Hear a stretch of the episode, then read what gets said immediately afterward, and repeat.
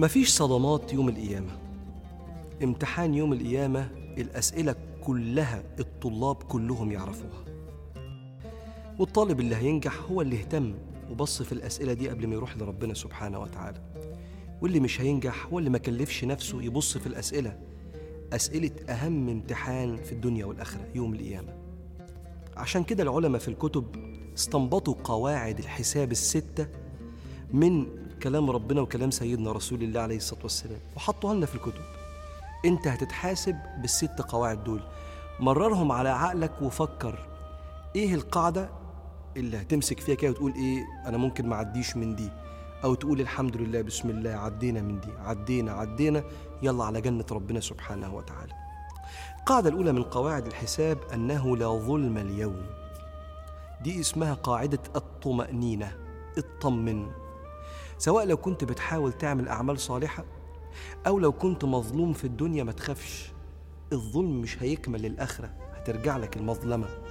ربنا بيقول في القرآن ونضع الموازين القسط ليوم القيامة. القسط يعني العدل.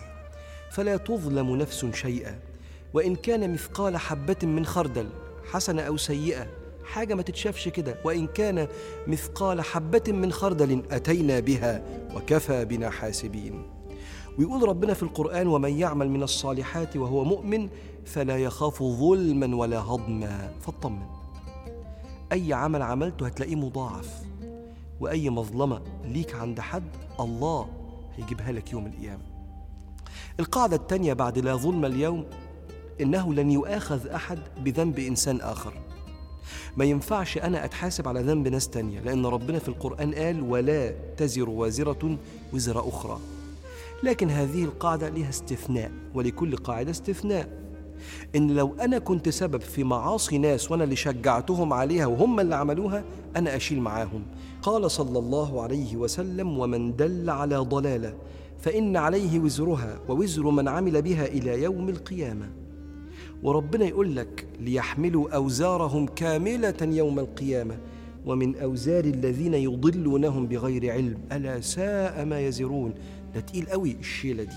فخد بالك ما تكونش سبب في إن حد غيرك يغلط غلطتك. لو عايز تغلط اغلط لوحدك ما تدلش حد على الغلط ده. ما تعزمش بسجارة.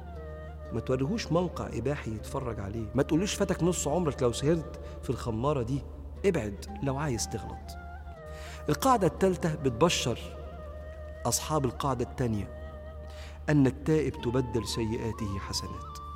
حتى أن رسول الله صلى الله عليه وسلم ضحك.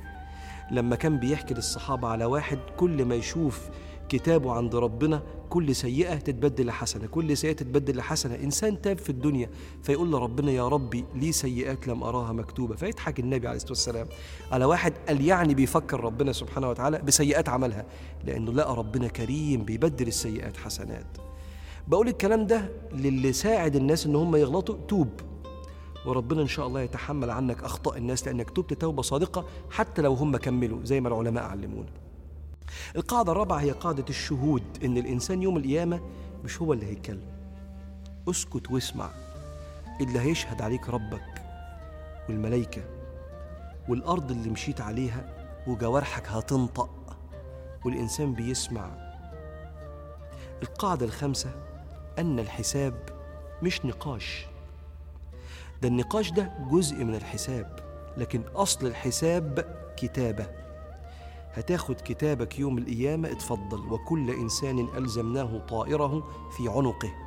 ونخرج له يوم القيامة كتابا يلقاه منشورا. اقرأ كتابك. كفى بنفسك اليوم عليك حسيبا. من اهتدى فإنما يهتدي لنفسه. عشان لحظة فتحه للكتاب أبيض ولا أسود. يا رب نكون كلنا من أهل الجنة. أنا هطلب من ربنا في الجنة أخد الكتاب ده معايا. وأقعد كل يوم في الجنة أقرأ وأشوف فضل ربنا عليا. إزاي أكرمني في الدنيا؟ بأعمال صالحة. وإزاي أكرمني في الدنيا؟ بأنه سامحني على غلطات كتير عملتها. وإزاي إداني ملك في الجنة برحمته؟ مش بأعمال عملتها. مش لاقي أنا الأعمال اللي تساوي ملك الجنة. ده أنت رحيم قوي يا رب. يبقى خد الكتاب معاك في الجنة. القاعدة السادسة. الحسنة عند ملك الملوك بعشر أمثالها. ما عندوش ربنا حسنة بالعشرة والسيئة عند ملك الملوك بواحدة. يتعامل بالفضل والإحسان كما في الآية من جاء بالحسنة فله عشر أمثالها. ربنا قال كده. والحديث الآخر الحسنة عندي بعشر أمثالها وأزيد والسيئة عندي بمثلها وأعفو. عشان كده سيدنا عبد الله بن مسعود بيقول خاب وخسر من غلبت آحاده عشراته. تيجي السيئات اللي بالواحدة تغلب الحسنات اللي بالعشرة. ده يبقى السيئات كانت كتير قوي والحسنات كانت قليلة. دي كانت قواعد الحساب. حتى لا يفاجأ أحد. أديكوا عرفتوا يا مؤمنين؟ وجهزوا نفسكم للقاء أرحم الراحمين. اللهم استرنا فوق الأرض وتحت الأرض ويوم العرض عليك.